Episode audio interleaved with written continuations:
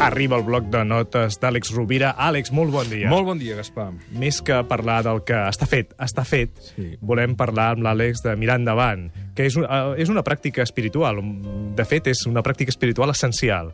És que tirar endavant. Mirar tot. endavant i tirar, i tirar endavant. Um, Alejandro Jodorowsky, que és un personatge polèmic, però que de vegades té alguns aforismes molt brillants, un dia em va dir, diu, mira, Àlex, diu, saps on rau la malaltia? Dic, que on? Diu, en el passat i en el futur. Diu, en el passat, per allò que podíem haver fet i no vam fer, per allò que volíem haver dit i no vam dir, i en el futur per l'angoixa i la por que ens provoca la incertesa.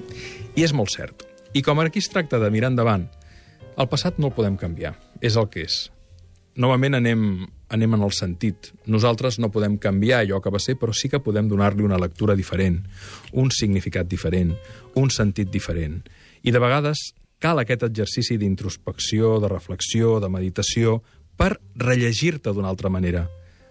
Hi ha analistes que diuen que l'inconscient és una narració i que en el fons el psicoanàlisi consisteix en canviar el nostre estil narratiu, en canviar l'estructura del nostre pensament inconscient. És molt cert. Per tant, es tracta de mirar endavant, però aturant-se, fent la pràctica reflexiva de mirar eh, en quin rol estem, si ens estem victimitzant o no, si hem après coses que potser no n'hem pres consciència, però que encara hi som a temps d'aprendre, és important, sempre som a temps d'aprendre. Encara que allò que ha quedat en el passat faci molts anys que va passar, sempre podem aprendre, sempre podem incorporar nous hàbits, noves actituds, eh, nous valors que ens facin viure la, la vida de manera diferent. I penso també, Gaspar, que l'esperança és un imperatiu moral, ho hem dit més d'un cop. És a dir, que sobretot quan un té fills se n'adona d'això. Un no pot eh, viure sense esperança si té algú que l'espera a casa i que tu has de cuidar i fer d'ell una bona persona.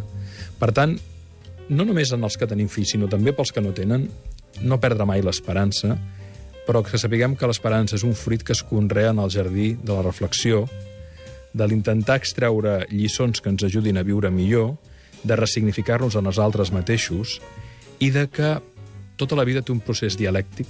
No pot haver-hi sístole sense dièstole, però tampoc no pot haver-hi dolor sense esperança.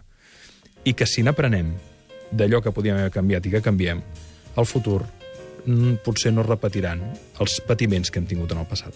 Àlex Rovira, moltíssimes gràcies. Que Moltes tinguis gràcies. molt bona setmana. Fins diumenge. Abraçada.